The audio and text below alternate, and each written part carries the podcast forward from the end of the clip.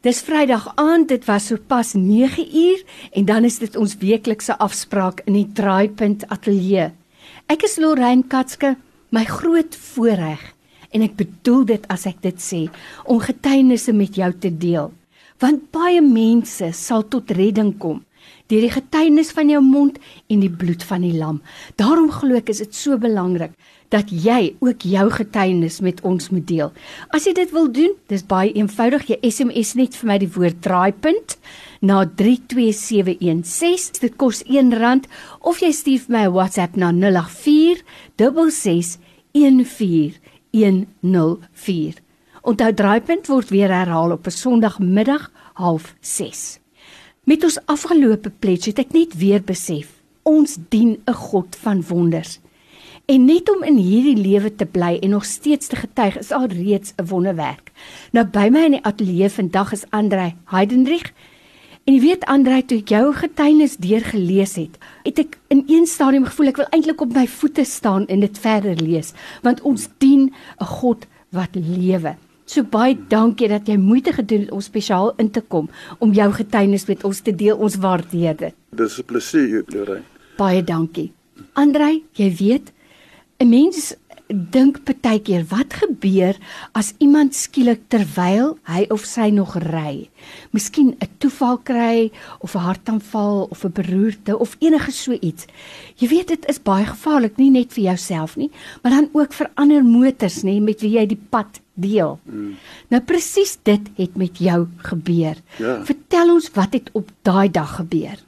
Lorraine, ek het uh, 'n terrein waar ek werk in Belwel En ehm um, ek het mense op 'n ander plek gehad wat ek moet gaan sien, maar ek het die voorafgaande maand het ek baie sleg begin voel. Ek kon nie maar maak nie en dan het ek huis toe gery en gaan slaap. Net om net om net om 'n bietjie krag te kry. En ek het ek het gedink dis my suiker. En ehm um, ek het op die terrein gesit die dag en ek kon nie uit my bakkie uitklim nie. Ek het later aan myself geforseer praat ek daar toe sê ek vir my voorman ek gaan nou ry. Ek voel nie lekker nie en ek ek is daal weg Lorraine. Ek het op die R300 geklim en het omgery op pad na die N2 toe en ek kan daarvan absoluut niks onthou nie.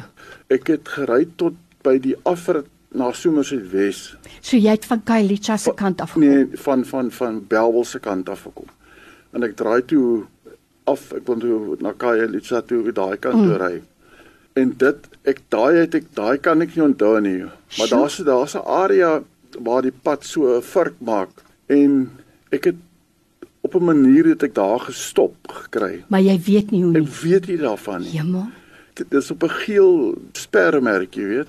En ek het daar gestop en ek ek kan niks daarvan onthou nie. Al wat ek kan onthou is dat ek so in die wit wolke was Ek het so gesweef en was so wit en dit was so saggies. Dit, dit is niks, daar was nie 'n suis of niks nie. Dit was heerlik geweest en ek het so so rond gesweef in die wit wolke. In elk geval toe kom ek by in Boesamet Hospitaal 6:00 die aand. Liewe aarde. Ja, eh 6 ja, ek so half 6, kwart tussen half 6 en kwart voor 6 het het ek al iets is ek aangebring dis dis eerste keer dat ek bykom van 2 uur die middag af. Sy was eintlik bewusteloos van ja, daai tyd en weet jy wat? Was heeltemal bewusteloos. Terwyl ek gelees het, jou tuines gelees het, het mm. ek vir myself gesê, jy was eintlik in die voorportaal van die hemel gewees, glo ek. En die Here het nou net anders besluit. So jy was vir die hele ruk lank bewusteloos. So hoe het jy by die hospitaal gekom vir iemand wat nou nie weet nie? Ja, ek moes ek moes in die voorportale van die hemel gewees het want dit was wonderlik geweest. In elk geval op my terrein het 'n subkontrakteur gewerk wat ook in die strand bly. En hy het 5 uur van die terrein af weggery en op dieselfde roete as wat ek. Ja, is 3 en 'n half ure. Oh. Nou, dit was so en ek was 6 uur kwart voor 6 was ek by die hospitaal. Hy toe op die R300 gery en verby my bakkie gery en sy sy hulp sê vir hom Meneer, daai is die ou baas se bakkie. Ek is nie die ou baasie maar dit is die woorde wat hy gesê het vir Andries. En toe, toe stop Andries en hy sukkel toe om deur die verkeer, maar hy kom toe by my uit. Toe is ek totaal uit. Ek is bewusteloos. Bewusteloos. Ek sit voor gesit met my kop vooroor en, en ek het so gehang. Ek het hy kon nie my bakkie was gesluit, maar my venster was redelik oop geweest.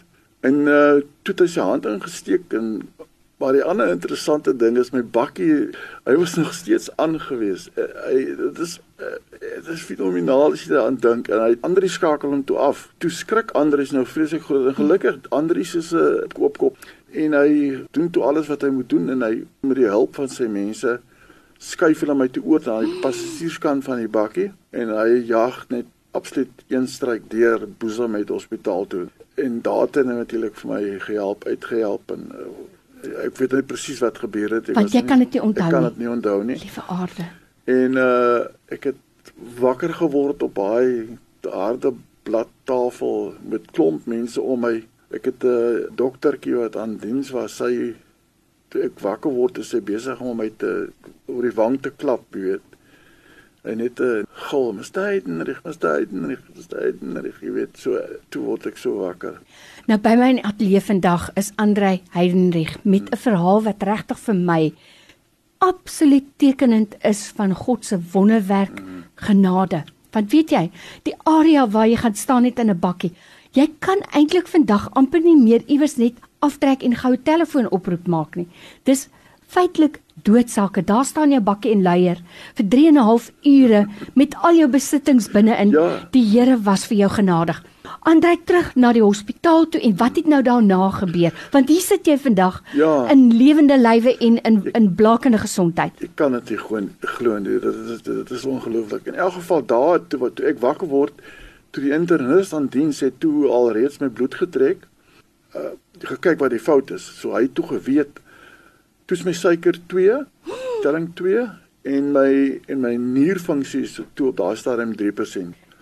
Dis ja, totale nierversaking. Ja, dit is heeltemal ja, mm. totale nierversaking en en en en, en hy het dit vir my gesê en het geweet my niere was 'n probleem, ek het nie regtig kon nie presies wat gebeur nie.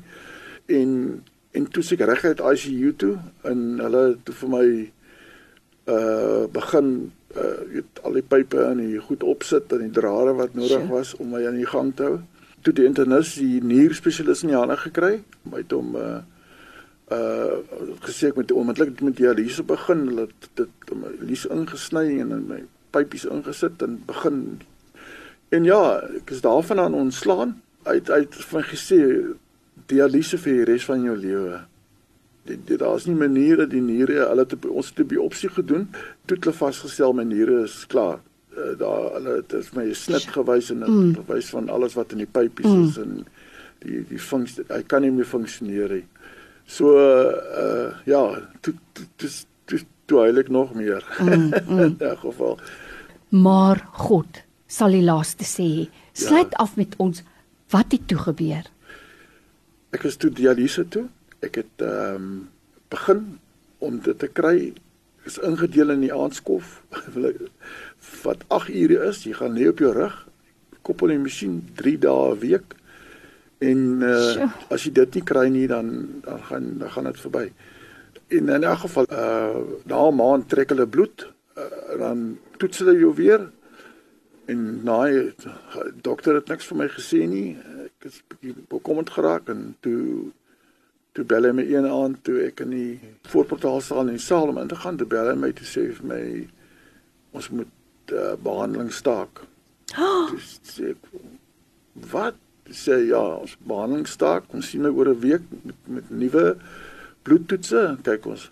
Selfde ding, week later. Ek het intussen vir my seun Hans vertel van die storie en hy my nie glo geglo nie. Hy is toe saam met my na die dokter toe. Dokter het die storie van my selfe storie vir hom vertel en gesê jou pa se niere begin werk, uh funksioneer weer. Uh die bloedtoetse wys amper normaal. Nou dit op sigself se wonderwerk, maar ja. nou Andrei, vertel vir ons net agter die skerms, hoe het God gewerk? Ja, ek het 'n sterk selgroep waaraan ek behoort by by CBMC. En toe ek in die hospitaal beland, toe die ouens een vir een gekom en kom bid vir my. En uh ons hou bid hier op Vrydagoggende. Ehm um, na die bid toe het hulle gekom, aan my huis toe en dit vir my kom hande op lê.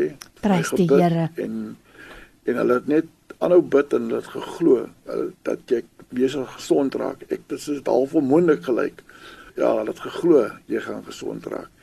En uh ja, toe toe begin jy goed weer funksioneer.